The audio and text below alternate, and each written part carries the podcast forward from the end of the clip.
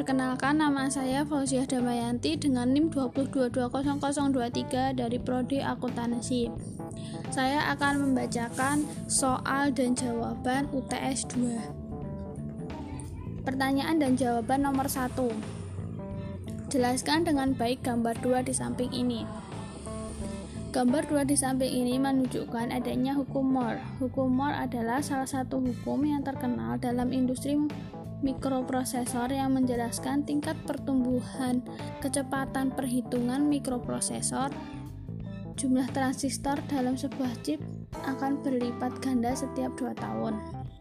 Grafik pada gambar tersebut menunjukkan perkembangan jumlah transistor dalam suatu prosesor terhadap waktu.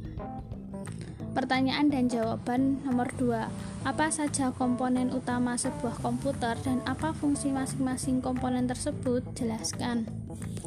Dalam komputer terdapat empat komponen. Komponen pertama yaitu perangkat input atau input device, berfungsi untuk memasukkan dan menerima data maupun informasi ke komputer. Data dapat berupa tulisan teks, gambar, video, dan audio. Contoh perangkat keras pada input device yaitu keyboard, mouse, scanner. Komponen yang kedua yaitu perangkat proses atau processing device berfungsi untuk mengolah data dan menjalankan komputer. Contohnya seperti CPU.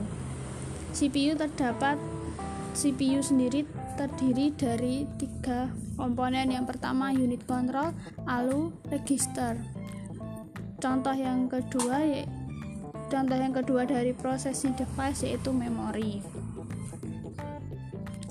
Komponen yang ketiga yaitu perangkat output atau output device, berfungsi untuk mencetak dan menghasilkan data berupa tulisan, gambar, dan suara dari perangkat input. Contohnya yaitu printer dan monitor. Komponen yang keempat yaitu perangkat penyimpanan atau storage device. Digunakan sebagai sarana menyimpan data dan program pada komputer. Perangkat penyimpanan dibagi menjadi dua, yaitu penyimpanan eksternal dan penyimpanan internal. Contoh dari storage device yaitu hard disk, flash disk, CD atau DVD. Pertanyaan dan jawaban nomor 3.